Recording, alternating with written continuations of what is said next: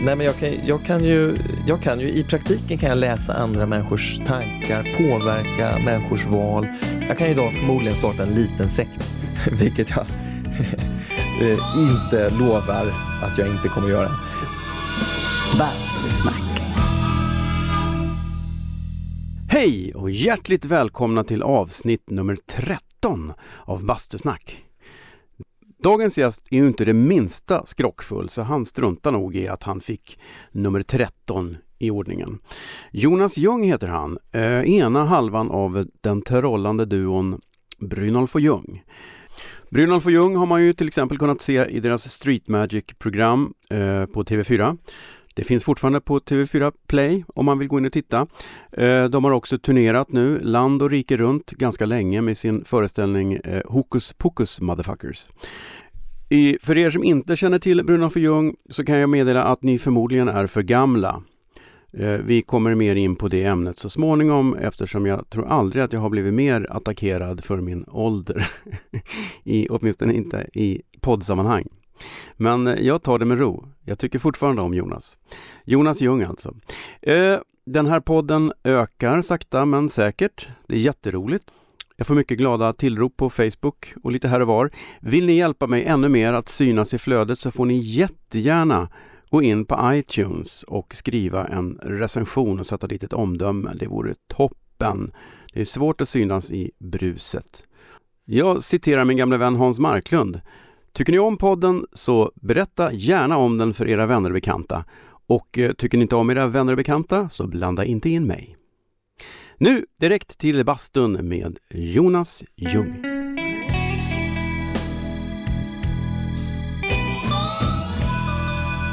Bastusnack.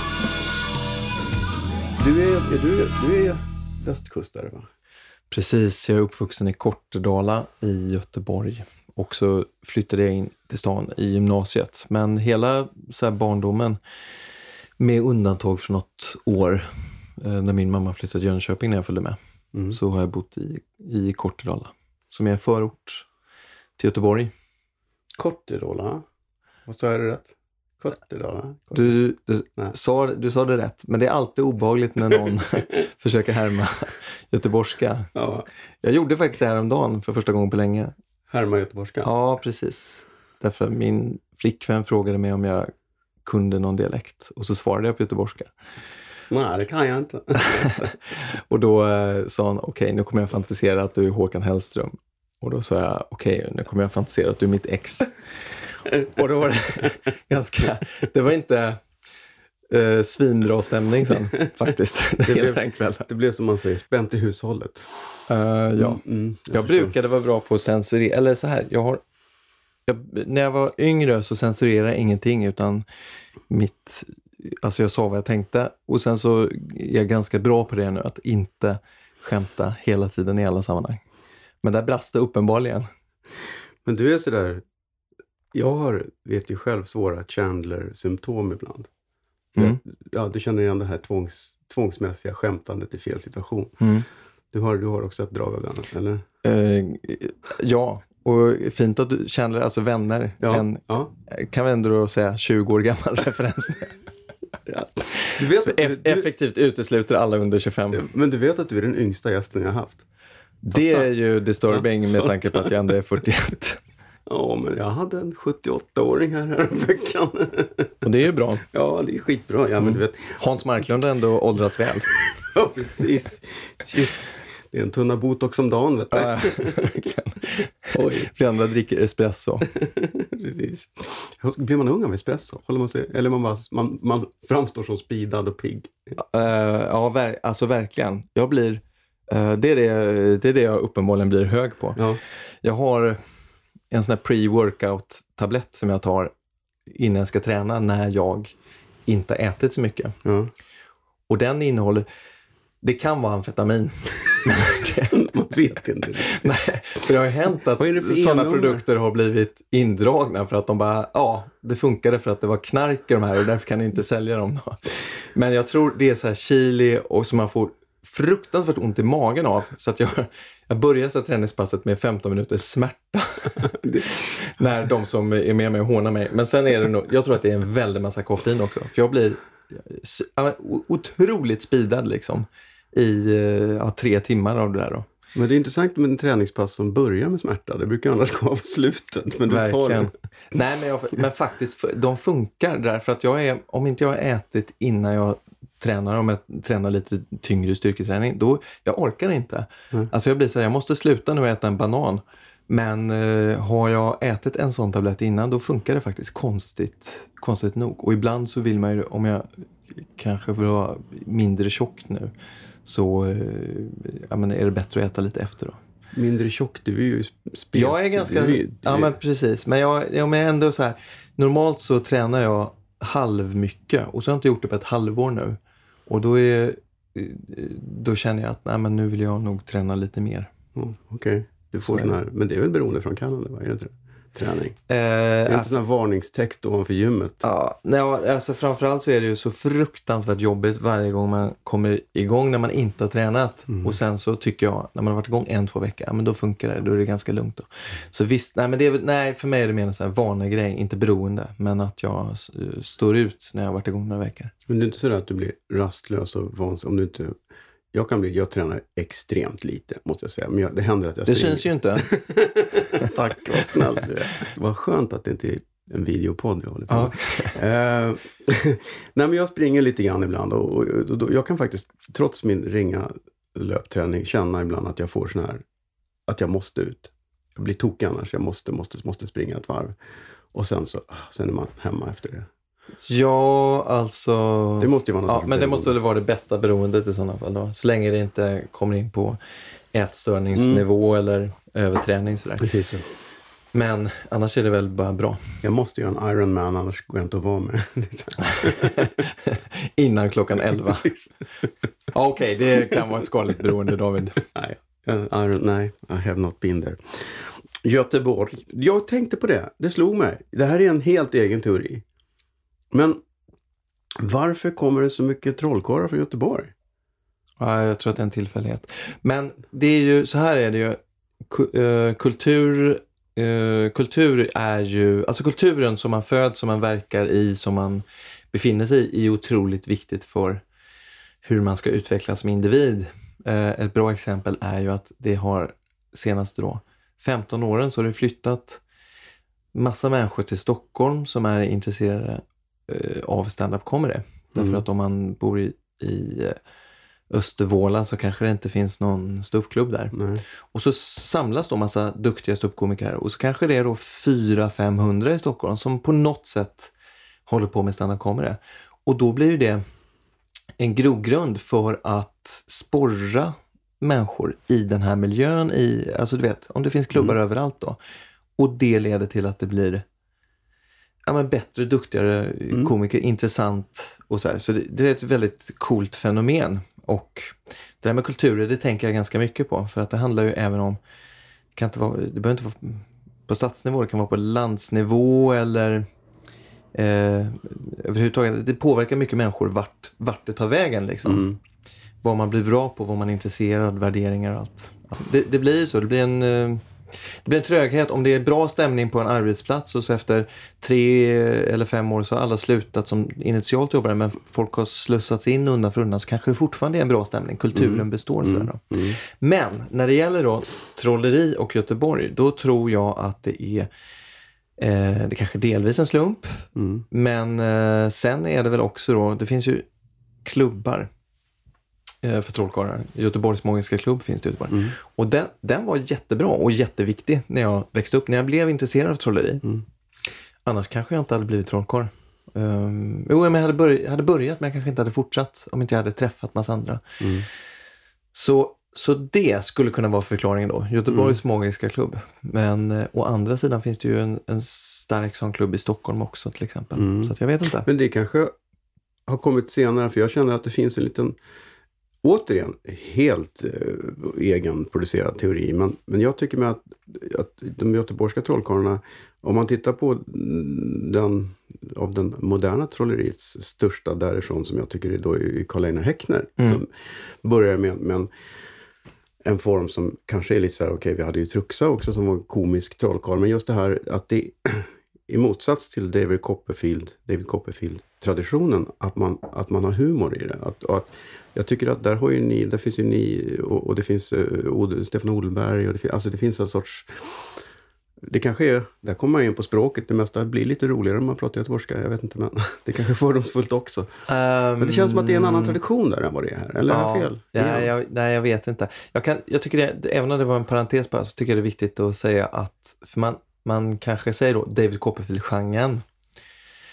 Um, och så betraktar man det som lite sådär gammalt eller ålderdomligt trolleri eller, eller inrättat på ett, på ett visst sätt.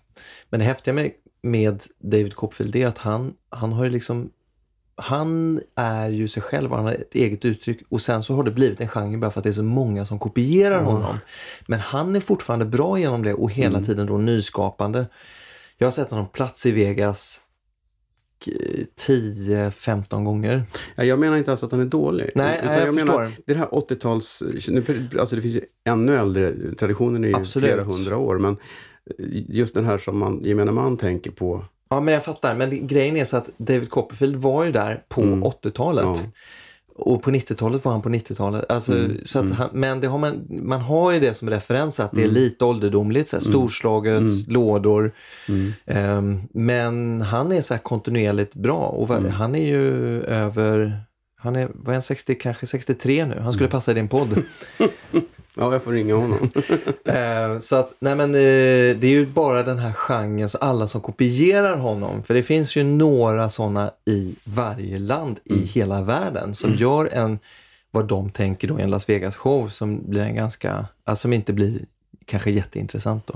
Men tillbaks då till Colin Häckner som tidigt bara, ah fuck it, jag gör eh, så som jag vill. Mm. Och liksom gör, ja, men gör sin egen grej. Och det är nästan Alltså det är uteslutande det som alltid blir bra. Mm. När någon eh, har lärt sig från eh, sin genre men, men sen gör sin egen grej.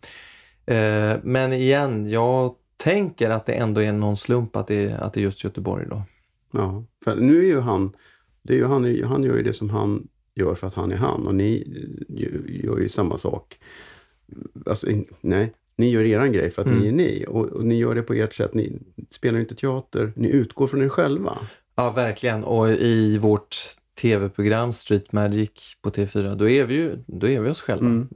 Rätt, ja, det är ju ingen artistkaraktär. Eh, men det är inte så som, som de ännu äldre trollkarlarna som tog på sig vita, vita handskar och, och, och, hela fracken och körde. Nej, precis. Och det där var ju... Det är en cirkustradition mer kanske. Ja, nej, men det, man måste om man tar på sig några särskilda kläder när man står på, på scen, i alltså förhållande till publiken, vad är det mm. man kommunicerar då? Mm. Om man tar på sig en 1800-tals eh, frack då, det, det säger vi att det är 1960-tal då, mm. för att man gjorde det på 1800-talet, men så har det levt kvar då. Mm. Medan publiken har bytt kläder, var tionde mm. år har det, har det modet uppdaterat. Ja, vad, vad säger det? Ja, men då har man blivit någon karaktär. Liksom. Det som från början bara var att man var uppklädd blev Exakt. att man blev utklädd. Mm. Precis, så man blir ut, ja, utklädd. Och det är också så att trolleri är för mig en genre där man i, i de allra flesta fall har ett direkt tilltal till publiken. Det är här och nu. Det är ingen fjärde vägg som, som teater eller musikal där allt som pågår på scenen bara pågår oavsett vad som händer i publiken. Utan mm. Det är ett direkttilltal, ehm, det är interaktivt och på det viset så påminner det om stand kommer det till viss del. Mm. Och då blir det ju jäkligt märkligt när man har en karaktär, om man nu ska låtsas om som att man inte har en karaktär, utan det här är liksom att det är på riktigt och alla vet om att det är inte på riktigt. Mm. Det blir en väldigt speciell överenskommelse mm. med publiken som man försöker mm. träffa. Och det blir ju ofta tuntigt helt mm. enkelt. Ja, om man inte är, är så... Ja, i de flesta fall blir det det, men jag tänker på Penn Teller, där hela idén går ut på att man tror att, Penn, att Teller inte kan prata. Fast det kan han väl? Det kan han, men, och det är klart att det har blivit ett karaktärsdrag, men det har också blivit för dem, det här är väldigt häftigt alltså, det har blivit en regel att förhålla sig till. Mm. Som allt des, deras skapande då av nummer av föreställningar måste rymmas inom. Mm. Och det där är ju grunden till kreativitet. Det här är någonting som jag försöker kommunicera i massa situationer till folk och, och, och människor är inte mottagliga för det här. Att ska man skriva en bok Mm. så förutom att man måste göra det då, man måste sätta sig ner och så måste man skriva några timmar per dag för att det ska bli gjort. Så måste man sätta upp gränser, begränsningar, en ram. Man måste bestämma sig för, eh, okej, jag skriver en detektivroman som utspelar sig i, i Botkyrka i nutid. Okej, nu kör jag. För så länge man inte satt upp den där ramen så det blir ingenting. För man har all världens möjligheter att skriva och man vill skriva det bästa och det kommer inte bli av. Det, det kommer inte bli av. Man kommer bara, det kommer bara rinna ut i sanden. Då. Så att begränsningar, ramar, är det som föder kreativitet. Eh, kreativitet. Eh, och i Penn Tellers fall då, de har en regel. Mm. Teller pratar inte.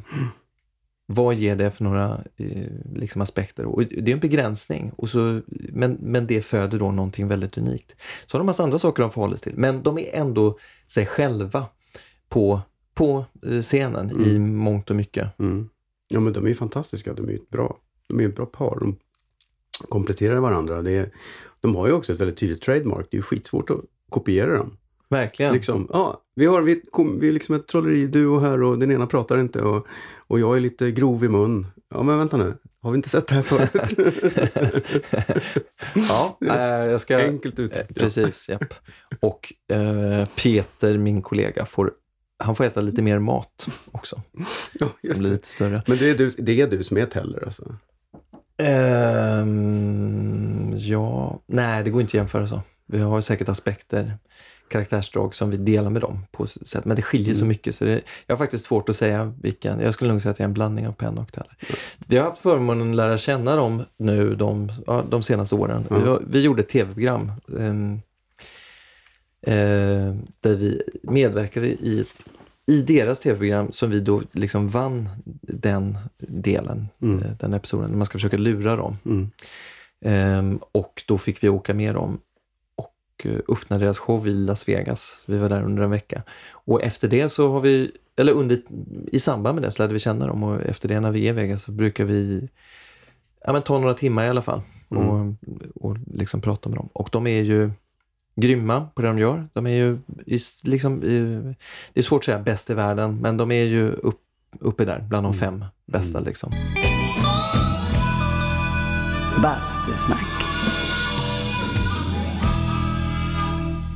Men du har ju det gemensamt, nu kan jag inte prata för, för Peter, men du, det som jag känner dig i alla fall är att du har ju det gemensamt med Penn Teller att eh, du har ju också en enorm drivkraft mot pseudovetenskap och allmän sån bullshit som ju de, de, de hade ju ett tv-program som heter Bullshit där de, där de brände av, um, stekte myter på löpande band och du är ju lite sån också. Är ni, är ni så båda två?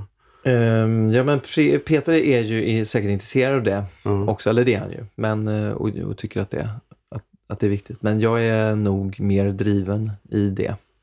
För det, jag vet ju, vi har ju det gemensamt att vi går igång som fan när någon kommer med en konspirationsteori som är uppenbarligen totalt tagen ur luften. Ja, nej, ver- eh, verkligen. ja. Och eh, ja, alltså det blir sån, det blir sån tidslöseri och sån distraktion från vad som är, ja, men vad som är viktigt och vad Mm. man kan lägga sina krafter och, och resurser på. Man kan ju argumentera, men får man inte, får man inte tro på vad man vill, jo men det får man ju utifrån Mm. den aspekten. Får man naturligtvis precis tro på vad man vill. Men problemet uppstår när andra människor försöker tjäna pengar på det du väljer att tro på eller försöker att utnyttja dig Mm. för, för sina syften. Det är i, i den kopplingen det blir problem med pseudovetenskap och konspirationsteorier och alternativmedicin. Mm. Alltså medicin som inte har någon verkan.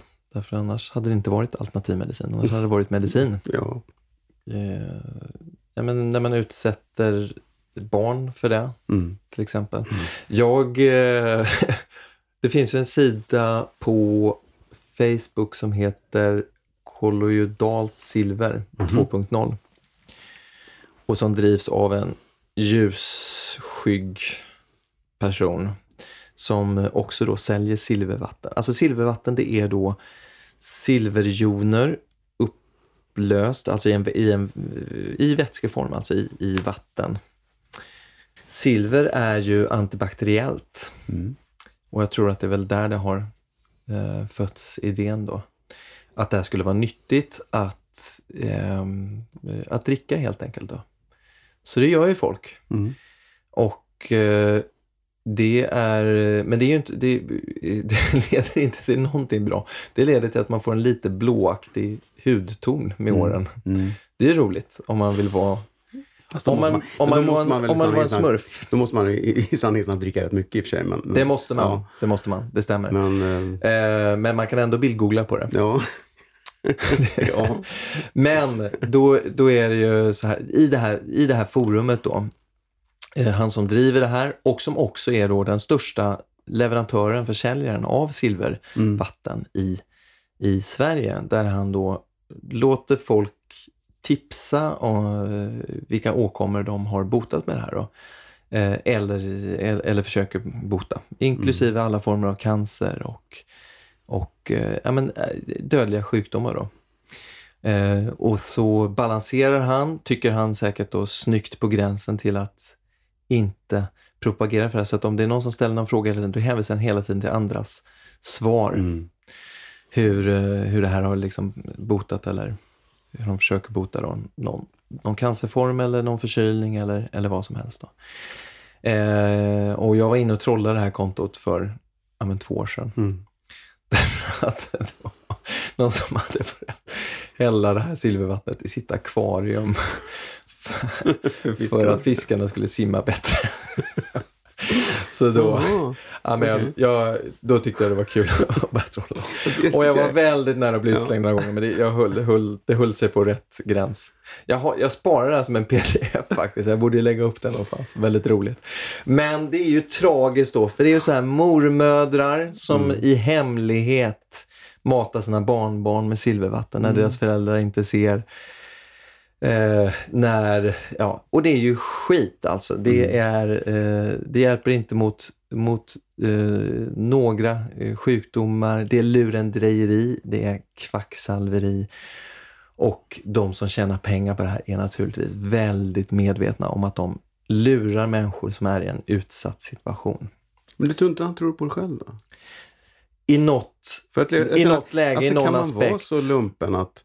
Kan man, kan man vara så rutten att man säljer saker som man vet inte funkar? Ja. Till folk som är Den här diskussionen har jag haft med Peter då, några gånger, det här, Ja. där Peter tänker att nej, men de, de tror nog i grunden på det här själva. Och så tänker jag att så har det säkert börjat någon gång. Ja. Eh, planen var nog inte, okej, jag ska försöka tjäna pengar på någon, hur gör jag det? Utan, utan det, det utgick säkert från ett genuint intresse. Mm. Men med åren så har, har man nog då som alternativmedicinare insett att nej, vad fan, det här funkar ju inte. Till viss gräns. Man kanske Mm. inte ens har uttalat men det, det, är klart, Mm. det är klart att de vet att de lurar människor. Och de lurar människor då som är, eh, i vissa fall då, svårt sjuka. Mm. Ja, det, det går, jag tycker det går kraftiga gränser där mellan att man tar någonting mot förkylning som man själv tror på och så blir man frisk. Eh, och så tror man att det var det, även om det faktiskt är så att man blir frisk från en förkylning förr eller senare ändå. Ja. Eh, och det är väl okej. men, men, Absolut, eh, go ahead. mm, Återigen, det, man måste ha möjlighet, få möjlighet att tro på det man vill. För mig är det där väldigt, eh, väldigt enkelt då. Mm. Om man i en marknadsföringssituation, ett marknadsföringssammanhang, Mm. eh, vidarebefordrar vad andra säger om den här produkten, ja men då är det marknadsföring. Mm. Ja, framförallt om man har en hel en Facebook-sida. Ja men absolut. Så. Den här, för att överhuvudtaget få fortsätta sälja den här, för det är ju det är förbjudet att sälja den här för mänsklig konsumtion, då, det här silvervattnet, Mm. kollodialt silver. Eh, därför att man mår inte särskilt bra av det. Eh, då säljs det som, som någon typ av rengöringsprodukt Mm. istället. Då. Men problemet med den här, de här diskussionerna och framförallt på Facebook är också att det skapar ju en... Eh, det är nästan sekteristiskt. Så att så- jag, jag har slutat kommentera saker ibland, eh, vissa kamrater på Facebook, för att jag vet att det smäller till så in i helskotta om man angriper just Man får ju avdela tid. Ja. Man får ta ledigt Det från går jobbet. inte, för man får långa utläggningar om Man att, får ja, meddela ja, familjen att, att eh, vi får äta middag någon annan dag. Ja, jag menar, låt oss säga att jag har oljat min brygga här ute med en så kallad miljövänlig olja. Och så säger du till mig, men den är inte miljövänlig. Den är inte riktigt lika farlig som de andra, men kommer det i vattnet så dör fisken. Och då säger jag, va? Är det så? Ja, så är det faktiskt. Och så accepterar jag det och blir deppig och tänker, vad fasiken vad synd. Men däremot, om, om, om, jag, säger- om man säger samma sak till någon som dricker silver, då är, tas, accepteras inte det påståendet utan att då kommer en salva tillbaka som är Absolut. Och det här, jag tänker att, eh, ja. Nej, det, det här är, det är ju ett, det är ett konstaterande att det är så. Eh, och eh, det, här, det är ju ett, ja men så här. Jag tror man kan pinpointa det där som ett av våra stora problem Mm. idag. Det finns en psykologisk effekt Mm. som, som eh, ett fenomen som kallas för, jag vet inte om du har hört om det, the backfire effect. Det, det är, eh, eh, den går ut på, det fanns, fanns någon amerikansk podcast som heter You're not so smart, Okej. som är väldigt bra, eh, som ägnade tre avsnitt om detta. Eh, de gick till och med ner på, på um, cellnivå. Det, det, det, kemiska reaktioner och eh, flyktbeteendet i kroppen som triggas och allting. Det, om man ska koka ner det så går det ut på att om du har någonting som du tror på, som är så viktigt så att det är en del av din personlighet. Mm. Att det är en del... Eh, jag tror väldigt starkt på att man ska inte slå folk, eller jag tror väldigt starkt på, på silver. Ja. För att jag lever efter det och jag tar mitt silver varje dag och mår bra av det, och, tycker jag. Och då är det jätteviktigt. Om jag blir angripen, Mm. då triggas eh, det här eh, backfire-fenomenet igång och jag stärks i min tro. Det här kan du se hos Trump-supportrar till exempel, att, att de blir ju ännu mer, eller för SD-anhängare eller you name it. Eh, det blir ännu starkare. Och den vetenskapliga teo- teorin gick ut på, eller det här testet de gjorde var att de utsatte en massa människor för, för um, nyhet, ett nyhetsflöde som var kontrollerat. Mm.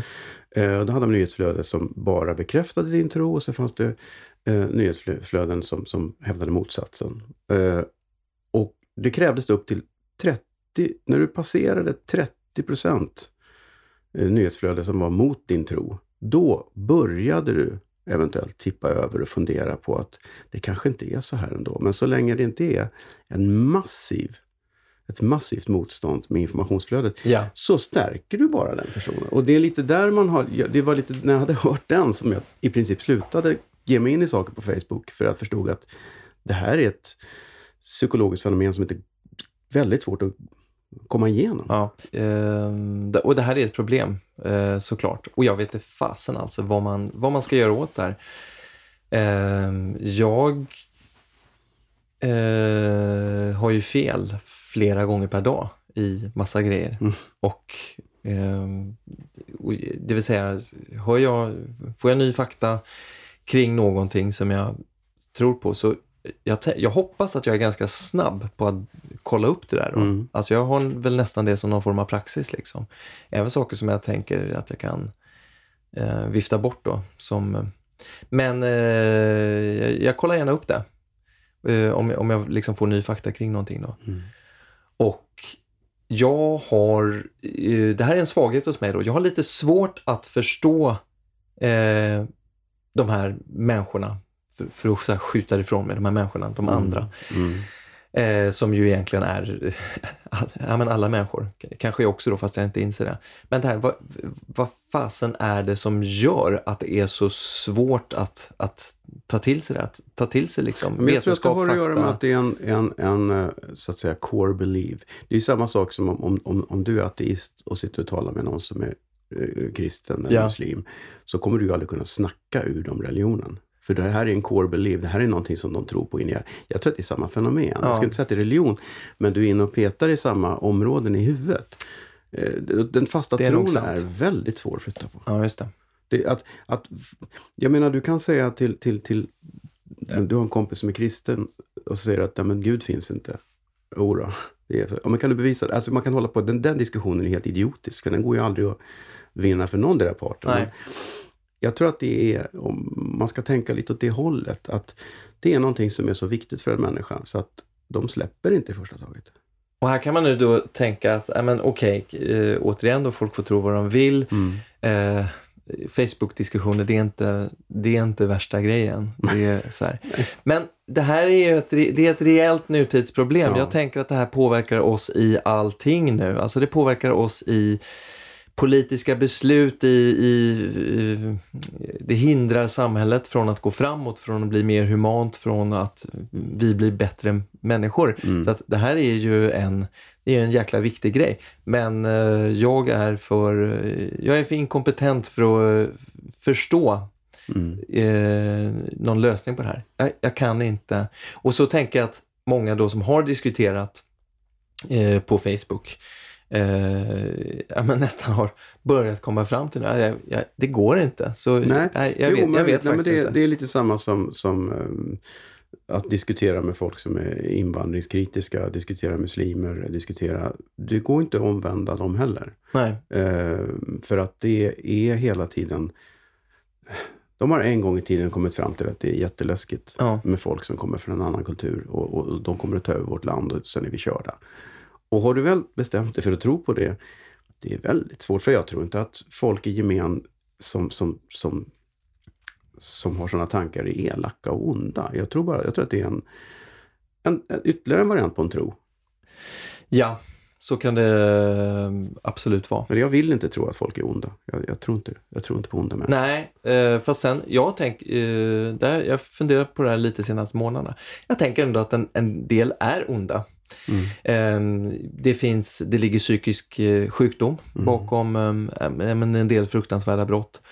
Eh, och, men ibland är det ren girighet, ren Mm. själviskhet, vad man ändå då får definiera som, som ondska. Alltså att man eh, klampar över andra människor för att få det man själv vill ha eller för att nå sina egna syften eller uppnå sin e- egen ideologi. Mm. Så att eh, ja, men ibland får man nog faktiskt förklara det som ren, ren ondska också.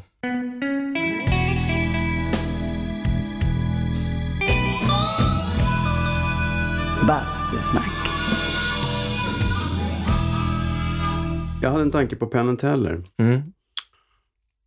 Det här med deras... eh, Det finns ju även eh, James Randi, det finns John Howdy. Det finns många eh, magiker, trollkarlar, som tycker om att avslöja bluffar. Mm. Är, beror det på att man är så yrkesskadad att man ofta ser när någonting är en bluff? Nej, men jag tror att det är för att man har exponerats mycket mer än människor i, i andra sammanhang, andra Mm. yrken, för bluffmakare. Mm. Därför att eh, jag, eh, alltså innan jag blev intresserad av trolleri, jag, eller jag var intresserad av trolleri redan när jag var liten, eh, riktigt liten. Eh, och då, men då, jag, jag fattade inte hur jag skulle komma vidare riktigt då. Jag, det var jättesvårt. Det är som om någon skulle ge en, en gitarr för att man vill spela gitarr och så har man ingen lärare och inga böcker. Och man bara, va? Var börjar man liksom? Men så att jag började, när jag var 17 sen, då började jag på allvar. Jag såg ett program på TV4 som gjorde att jag blev jätteintresserad av trolleri. Eh, och eh, en serie som gick där med Hans Crispin som programledare. Och då, då la jag ner verkligen mycket tid och, och så här. Men innan det, så att säga, från att jag var eh, så liten och intresserad till att jag tog tag i det när jag var 17, där hade jag en massa andra in, intressen. Mm. Eh, liksom lätt autistiskt. Så här. Eh, Att jag var jätteintresserad av någonting i några månader. Och då var jag ett tag var jag jätteintresserad av eh, det okulta, eh, parapsykologi, eh, hypnos, nu gruppar jag ihop det här, men liksom, det- där var jag jätteintresserad. Så då läste jag ganska mycket eh, om det. Gick och lånade böcker på stadsbiblioteket och hittade böcker och, och, och sådär. Och var intresserad och var lite osäker på, finns det här i verkligheten eller inte? Ehm, och sen då så, ja men så jag har liksom haft en sån process där jag sen, eh, inte kanske trodde på det, men så önskade, det hade varit jäkligt coolt om det hade funkat. Då. Mm. Eh, till att jag då ja, men, faktiskt lärde mig då eh, ja, men, metoder för att få det här att verka som. Alltså, jag, jag, kan ju, jag kan ju idag jag kan ju idag förmodligen starta en liten sekt. Vilket jag eh, inte lovar att jag inte kommer göra. Men, eh, nej, men jag, kan, jag, kan ju, jag kan ju i praktiken kan jag läsa andra Ja. människors tankar, påverka människors val. Men jag gör ju inte det med övernaturliga metoder utan jag gör ju det med psykologi och fingerfärdighet och, och ja, men manipulation. Mm. Fast eh, i ett underhållande syfte. Då, va? Men jag har aldrig stött på ett övernaturligt fenomen. Nej. Och då har jag lite letat efter det. Mm. Och jag har stött på människor som hävdar att de kan göra övernaturliga saker och, och det kan de inte. Och jag är ändå öppen för det, Mm. såklart. Det har varit jäkligt coolt. Det var coolt om man... Ja, jag tycker det också. Det vore Eh. fantastiskt. Men James Randi sitter ju där med sin miljon. Precis. Och eh, det vill säga han, han har en foundation som betalar ut en miljon dollar. Mm. Ehm, för en miljon svenskar, det är inte så mycket Nej. nu. Då är det... Ja, fast om jag... Det är en servis på Ikea. Ja, jo, men jag menar liksom seriöst, om jag kan få det här glaset och, och ta sig från den ändan av bordet till det med tankekraft och få en miljon dollar för det, eller en svensk miljon, Ja. då skulle jag göra det direkt. såklart. Absolut. Ja. Och det, det är ju faktiskt så här, så vi kan väl upp, eh, uppmana de som lyssnar. Har du en övernaturlig förmåga, det är en, en miljon dollar i prispotten då. Man behöver Mm. bara kunna upprepa fenomenet under ja, men, kontrollerade former. Mm. Eh, några, några gånger så att säga. Så är man i hamn. Bastusnack. Började du med ståupp eller började du med trolleri? Jag började med trolleri. Och sen så ehm, gick jag över, inte helt, men och hålla på ganska mycket med stand comedy och jobbade med det. Uh, ja, men hyfsat mycket. Och sen så när jag började jobba med Peter i form av Brynolf och Ljung då, eh, ja, men en, en bit in i det så hann jag inte med stand-up comedyn längre. Och det var inte så att jag bara, ah, nu struntar jag i det. Utan det var så här, ah, jag hinner inte den här veckan och så nästa vecka Mm. hinner inte heller. Då. Riktigt. Så jag tänker väl att jag ska köra det där igen. Jag tycker ju stand-up är väldigt kul. Mm. Och ska man på något sätt så dra det tillbaks hela vägen till när man var jätteliten så har jag ju skämtat längre än vad jag trollat. Ja, man behöver ju inga verktyg för, för att skämta. Trolleri kräver ju ofta lite rekvisita, kanske det? Eller? Mm, ja, Men ni har ju en del, jag tycker ni, ni har ju väldigt mycket stand-up i era shower. Det är ju väldigt roligt. Ja, det är ju inte, det är humor, men det är inte stand-up. Det är inte formen stand-up. Men absolut är det humor. Mm. Är det enklare att vara två när man är ute och jobbar för man har någon att bolla? Vill du ha en kaffe till? Uh, nej, det, nej, det är okej. Mm. Det är okej. Är det enklare att vara... Jag tittade mer på koppen för Ja. att eh, ge det ett sting av skuld. nej, hade det funnits kvar så hade jag druckit det, men nu är det okej. Skönt. Man sitter här med någon sorts... Vad heter han? Skuld eh, Ja. driver ju eh, varenda vettig parrelation. Jag skojar. det gör Yes. Ehm, nej, men eh, nej, vad var det du frågade? Jo, jag undrar om det var lättare att vara två eller än att vara en. Alltså, jag, eh, man har alltid någon att bolla med, men samtidigt så kan det vara frustrerande om det inte bollas åt rätt håll. Eh, ja, man får skilja då på processen inför en föreställning eller inför ett projekt när man Ja. jobbar eh, innan det ska eh, upp för publik eller då på scenen. Och då skulle jag säga att eh, inför en föreställning så är det ju egentligen idiotiskt att jobba själv. Ja. I, eh, ja, men vad- man än är för någon typ av artist. Trollkarlar är väldigt vana att arbeta ensamma. Kanske bolla någonting med någon, någon kompis eller någon kollega någon gång ibland. Sådär. Men tänk, tänk motsvarande då inom eh, teater till exempel. Mm. Säg att man gör då en, en monolog som man kommer stå själv på scenen. Men att då inte jobba med scenograf och regissör och, och eh, manusfattare och, och de här bitarna. Att man tänker att man ska klara av det här allt själv och att Mm. det ska bli lika bra.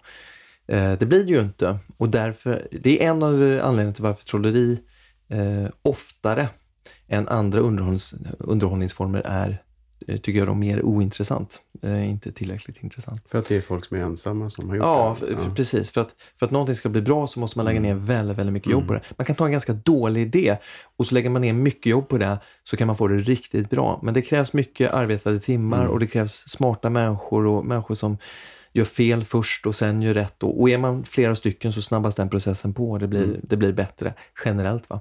Sen när det gäller att stå på scen, ehm, då tycker jag att eh, det funkar både att stå ensam eh, på scen, det kan bli jättebra, eh, och som en duo som jag och Peter, och, mm, eller i, i andra underhållningsformer, då, na, naturligtvis då, alltså teater eller Mm.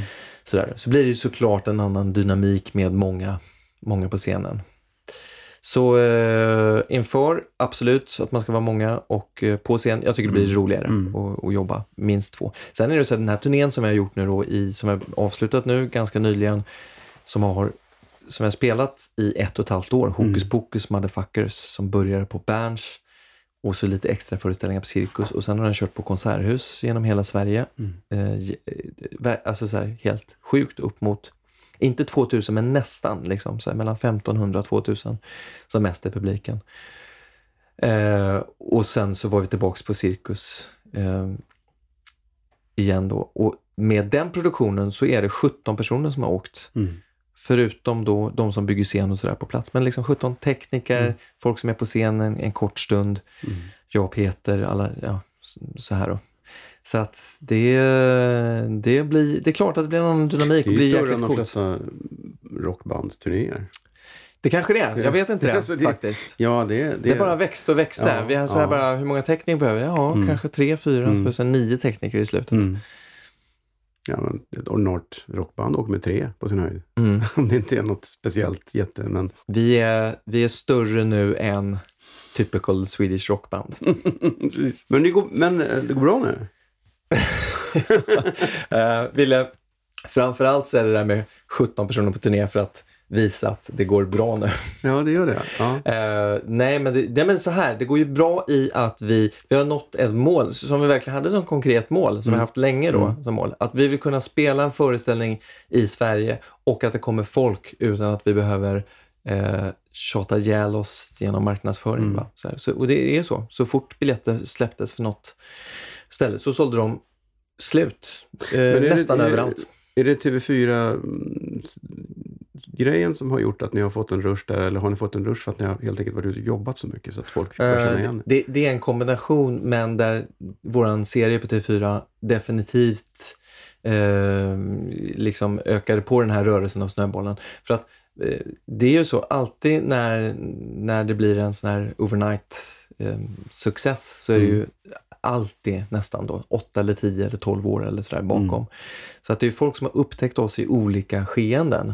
Som har följt oss sen, eh, ja, men sen, sen olika eh, Mm. perioder tillbaks då. Men, eh, men där blev ju det stora genombrottet i Sverige definitivt då. Eh, men eh, föreställningen eh, Hokus Pokus Motherfuckers, den, den skrevs och började produceras då innan tv-serien. Så att då hade vi ingen aning om att vi hade en Mm. tv-serie på gång. Så att den skulle ändå upp då på, eh, ja, men på alla de här stora scenerna. Sen hade den eh, ju, vi hade säkert spelat färre föreställningar av den. Om det inte hade varit Mm. för tv-serien. Men, men har ni en plan? Vad är eran liksom... Vad är målet? Vad, vad, vad tänker ni liksom landa i? Mm. Ni har ju börjat verkligen komma upp och bli etablerade nu, men är ju fortfarande inte riktigt... Alltså så om man säger Labero så vet alla direkt. Mm. Men ni, där är ni inte riktigt än. Du, jag tror att det är en generationsfråga Ja, faktiskt. jag är för gammal. Det är Jag det du tror det. säga. För eh, må- många under 25 Ja. vet inte vem Labero är. Det är så. Så ja, det, det, är ju- det är så svårt när man är inne i det Mm. såklart att veta. Men jag, jag tänker att jag tänker att beroende på vem du frågar, vilken ålder du frågar nu då, Mm. vem de refererar till med trolleri i Sverige så tror jag att ja, men det kan vara olika svar. Då. Mm. Ja, men då går det väldigt bra med andra ord. Jag skulle säga så här att det, ja, eh, ja nej, men det går väl jättebra eh, för oss nu. För, eh, och största värdemätaren på det för mig är att vi får, gör, vi får göra det vi vill. Vi får göra jäkligt bra TV och, och en jäkligt bra scenshow som, Mm. jag har, som jag jobbat med nu. Då. Men vill ni ut utomlands? Alltså för ni, av en outgrundlig anledning så var ni med i Britain's Got Talent, fast ni är ju inte britten. Nej, precis. Vi blev, för vi gjorde, ett tag så gjorde vi en del utländska TV-program. Mm. Och då, eh, ja, men då, vi blev scoutade egentligen då till Britain's Got Talent. Mm. Därför att de hade sett något annat tv-program. Och ehm, och, och så går det ofta till i den, alltså Got Talent ehm, Mhm. där. För att de, de, eh, de måste se till att de har tillräckligt många bra akter och då be, de behöver kasta för det helt enkelt. Såklart, för de som söker är inte alltid tillräckligt bra. Nej, Got Talent bygger ju egentligen på att visa upp det sämsta och det bästa. Ja. Allt som hamnar mitt emellan där eh, sorteras bort Mm. i inspelningsprocessen. För det är, inte så, det är inte så kul att se någon som är, ah, det var väl okej. Mm. Nej. Utan man vill se folk som har ett fruktansvärt ego och som misslyckas stenhårt. Och gärna tvärtom då. Folk som lite blygsamt bara, Mm. men det här, ja, jag ska göra ett försök. Och så bara, va? Ja, men det är som hon som, Ja. som sjöng som vann den engelska Idol. Vad hette hon då? Säger du Susanne Boyle nu så, som Har jag opera, rätt, har så, rätt. så har du rätt och, och det är ändå en sån tydlig åldersreferens när vi refererar till grejer som hände för 15 år sedan, som om det hände nyss. Men du vet, var det 15 år jag sedan? fick jag tänker barn för det. typ åtta år sedan och Ja. där upphörde sen dess. Sen, Jag ser ju bara Barnkanalen. Ja. Alltså fråga mig om Minimello, inga Ja. problem. Men den riktiga Mellon, Med, ingen Yl- aning. med Ylva Ja, precis. som gör... Ja. Nej, men det väntar du bara tills du får barn. För du har inga Ja. barn. Nej. Jag har en dotter som är 17 du har en dotter som... Ja, och, nu blir en, jag och en son som är 12. Ja, men hur kommer det sig But I att du... still stay cool, David. Okej. Fan. Jag var i Köpenhamn och såg Aerosmith förra veckan. Ja. Det var ju... De är 68. Precis. Såg en konsert i Köpenhamn. Okej, coolt. Vilka var... Äh, de var... Ah, ah, vi går vidare. Um, ja, nu blev jag helt... Mm. First Aid Kit börjar bli gamla nu tycker jag. Ja, verkligen. Ja. Du är ju ändå tekniker och, och jag ser ju dig David som någon som har stenkoll med allt vad det gäller musik och Har jag det? ja, Det ja så jag. ser jag. Ja, men, så, så, det, det är min bild av dig. Mhm. Så Ja, behåll, behåll den Ja, bara aura. Ska, ja, behålla den auran. Jag ska inte droppa fler 90-talsreferenser. Eller? Vet du vad, det, det är helt okej att göra det här om man samtidigt förstår att det är en 90-talsreferens. Och inte något som hände, ah, Ja. vad var det, förra året. Shit, nu blir jag så här um, Sven Jerring-känsla här. Det är roligt det där med referenser därför att i vår, vår tv-serie bygger ju på att vi trollar för kända svenskar. Mm. Och eh, när det har kastats då för de här tre säsongerna, och sär, särskilt första säsongen, delvis andra säsongen, tredje säsongen, då hade jag lärt mig eh, att man har så otroligt olika referenser för vem som är känd i Sverige Mm. idag. Mm. Därför någon som är 20 år kommer ha helt andra referenser än, än dig och Mm. mig. Mm. Det är så. Eh, så att till exempel eh, ja, men det, det var fler exempel, folk som jag inte hade någon aning om vem det var i, i framförallt första säsongen. Mm. Som sen visade sig att men de har en sån jäkla following på Mm. sociala medier Mm. och har gjort det här tv-programmet. Så Jag har ingen aning. Och coola och schyssta och roliga människor och duktiga de. Men jag har missat dem. Mm. Det var inte i min sfär. Och samtidigt då människor som jag tänker, ja men shit, det här, är, det här är ju, måste ju vara en av Sveriges mest kända människor. Eh, och så frågar jag någon då som är, som är yngre. De, de vet inte ens vem det är. Så att man har olika bubblor, inte filterbubblor, men man har olika Mm. bubblor också då med, Oh. med referenser naturligtvis. Då. Ja, Det var lättare på Snoddas tid, för då såg alla på en tv-kanal, punkt slut. Och då var det den som gällde. Då var det. Alla visste att Snoddas... Och när du säger snoddas, då fattar man ju att det är något gammalt.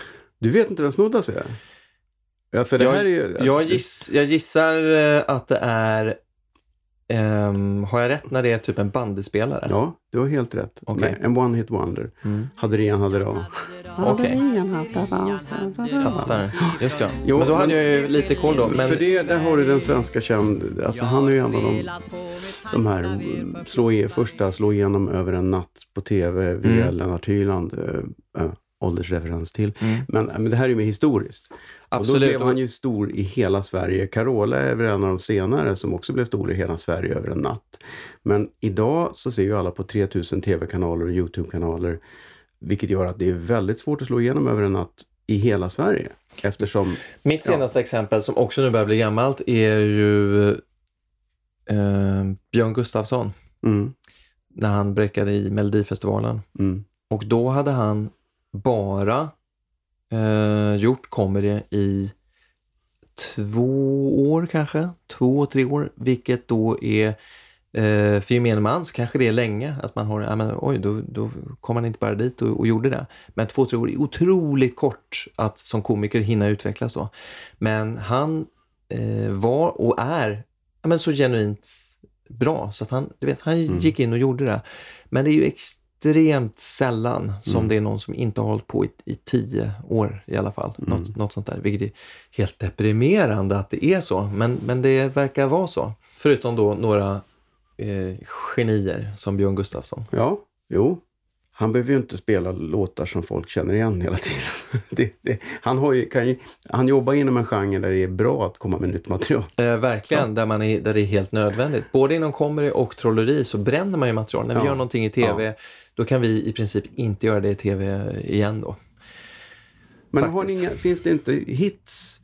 Alltså, kan man inte ha paradnummer? Absolut. Det finns väl? Jo, nej, men det, det, Åh, nu gör han det här.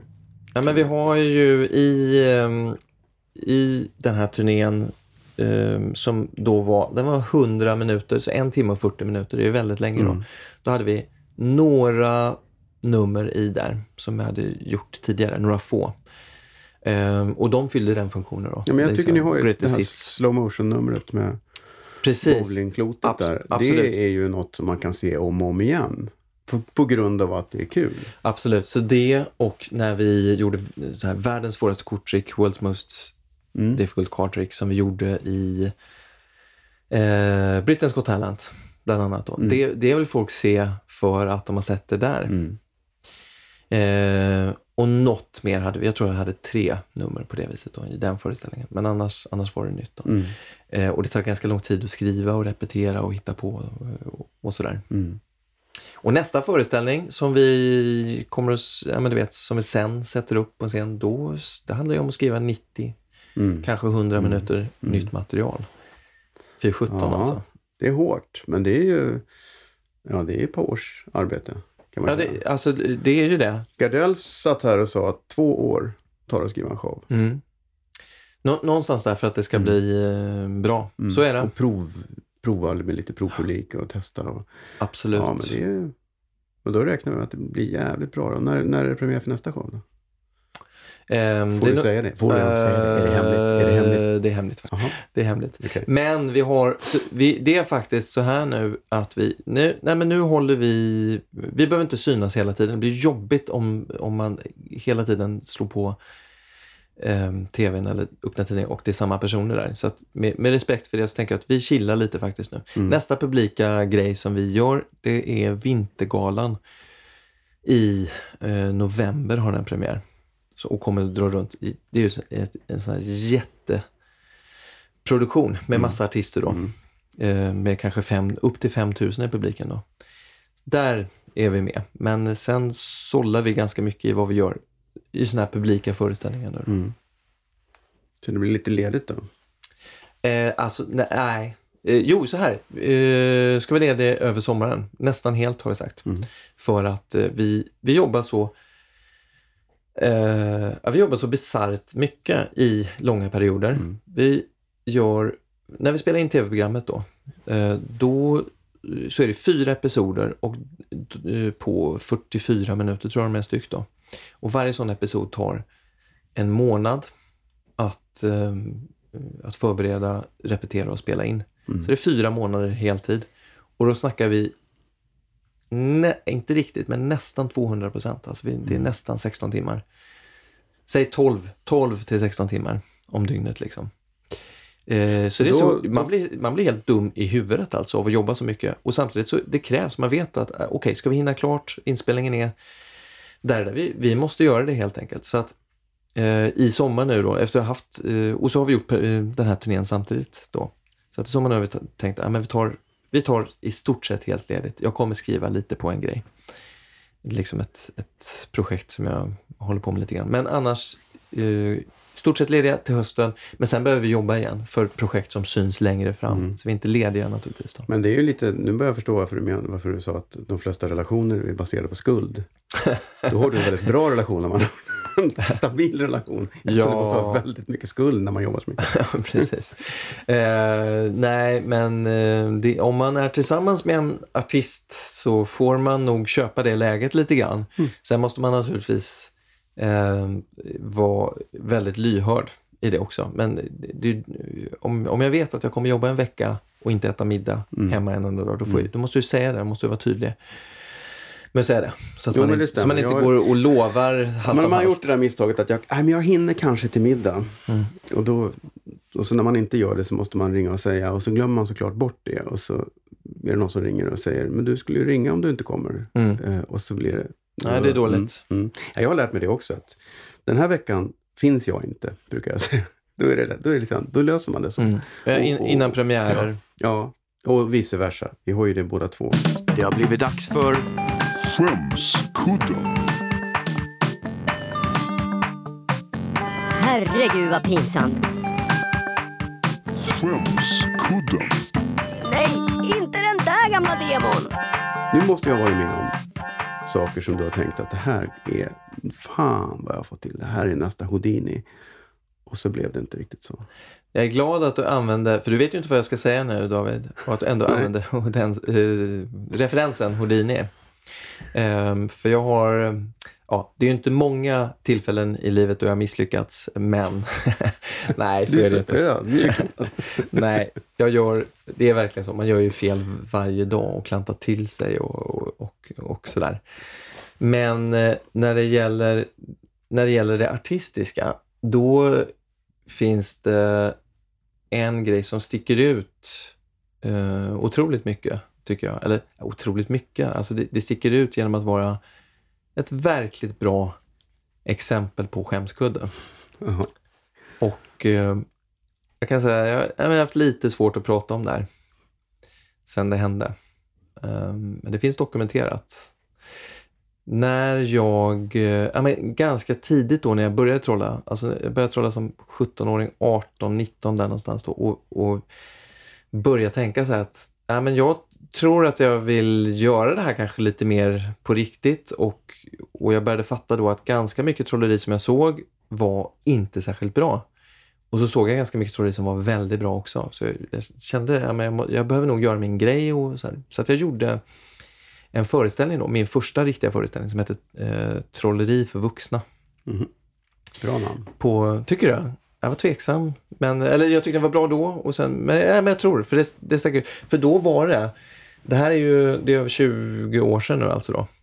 Och då, då var det lite så, jag var rädd för att jag då som 19-åring, om jag skulle show, att det skulle eh, ja, men vara så här, barnfamiljsshow. Mm, precis. Så jag tyckte jag var tydlig. Mm. Och, ehm, och så gjorde jag, jag satte upp den här på Gillestugan i Göteborg som var en eh, ja, men så, legendarisk showkrog som var perfekt för att det var så här 100-110 personer i publiken. Eh, Ståuppklubb en, två gånger i veckan och, och du vet bra akter, många artister som utvecklades där. Så att jag satte upp den där, eller tjatade mig till att sätta, upp den där.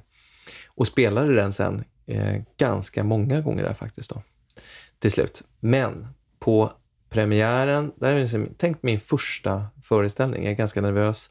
Det är fullsatt, fullsatt och det är ja, några journalister i publiken eh, och det är nervöst och jag har repat. Men som alla artister vet, så, och särskilt när man är på den nivån då, när man är tvungen att göra allt själv. Man är tvungen att vara producent själv, marknadsföra själv, skriva själv och så här. Så är det, man har inte repat tillräckligt. Alltså man skulle haft en vecka till. Eh, det går ändå helt okej fram till slutet av första akt. Och nu kommer din Houdini-referens in här då. Där jag ska göra en utbrytning ur en tvångströja. Så att eh, jag eh, eh, låter en person i publiken då sätta på en tvångströja på mig. Och jag kommer inte ur. Oh. Musiken tar slut. Den här låten som jag ska, liksom ska försöka få ur. Folk är ändå i den förhoppningen att det kommer en vändning.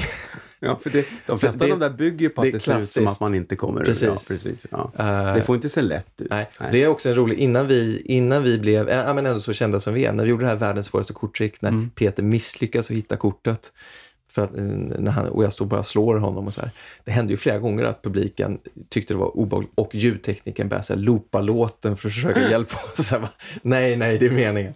Men tillbaks till den här ödesmättade kväll i Göteborg som 19-åring. Då. Jag kommer inte ur den här tvångströjan helt enkelt. Mm. Och, eh, och jag får liksom säga till någon i publiken att eh,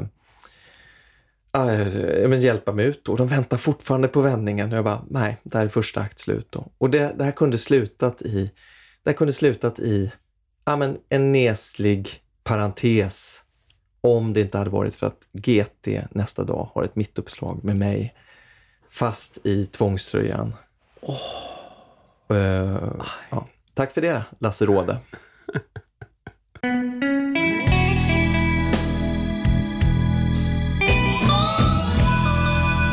Bastusnack. Jag eh, eh, känner en tjej som heter Malin som trollar.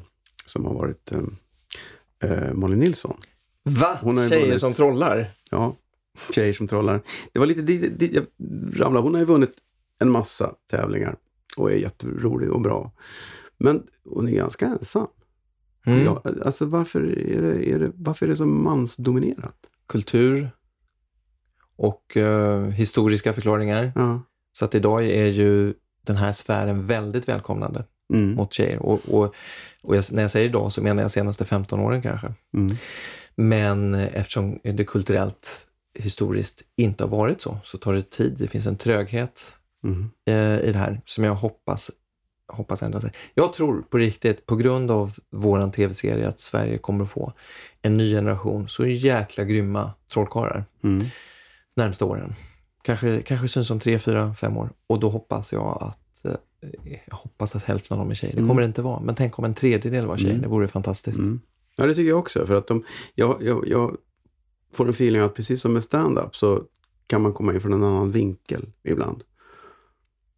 Ja, jag, jag, och jag, så här, jag lägger ingen värdering Mm. i det. Det kanske är så, men Mm. det, det är skitsamma. Det är ju katastrof att ett yrke Ja, eller en underhållningsform är segregerad. Oavsett anledning, Ja. oavsett eh, vad nyttan skulle vara med det, så är det ju bara väldigt märkligt. mm. vi förbjuder det. Jag, tror, jag vet inte om det är rätt väg. Vi, eh, vi, upp, vi uppmanar fler tjejer att, eh, Mm. eh, eh, att börja trolla. Bra. Bra sagt. Jag tyckte det blev eh, bra slutord. Eller var det något du ville meddela den stora allmänheten som jag har hoppat över? Eh, nej, eh, jag kanske bara kan få avsluta med ett litet pretentiöst eh, visdomsord. Eh, som inte ens är ett visdomsord. Men, nej, men det, det här, jag kommer tillbaka till det som vi berörde lite förut då. Att det är så jäkla viktigt att tänka till ganska ofta att det man gör är verkligen det man vill göra och att man annars ser till att få till en förändring. Så drömmer man om att skriva en bok, så men gör det. Du behöver inte sluta jobbet eh, sådär för det, utan sätt dig ner. Och det, det, det handlar om att man behöver faktiskt sätta sig ner och skriva någon timme om dagen. Vill man måla tavlor, gör det. Vill man trolla, kanske till och med att man drömmer om att jobba heltid med det, så ja, men sh- kör, kör på. För man har, om man inte tror annat, bara ett liv. Så det är så otroligt viktigt att se till att man själv är lycklig, för då tror jag att man även kan göra andra lyckliga. Bra sagt. Gör det som är kul helt enkelt. Följ magen. Hörru du, eh, jag vill tacka dig så himla mycket för att du kom hit. Tack själv. Nu hoppar vi sjön. Det är minst 22 grader. Vi kör. Bastusnack. Ja, det var mötet med Jonas Ljung det. Hoppas ni tyckte om det. Eh, glöm inte bort att gå in på TV4 Play och titta på Brynolf och Ljung. Det är skitbra tycker jag. De är roliga och duktiga. Jag förstår ingenting. Jag hoppas ni får en skön sommarvecka innan nästa avsnitt kommer med Bastusnack som är säsongens sista. Sen tänkte jag ta lite semester. Jag kan nästan garantera att det blir ett eh, nytt avsnitt med 20, kanske rent av 30 eller 40 år gamla referenser så att ingen ska behöva känna sig obekväm. Till dess, basta försiktigt.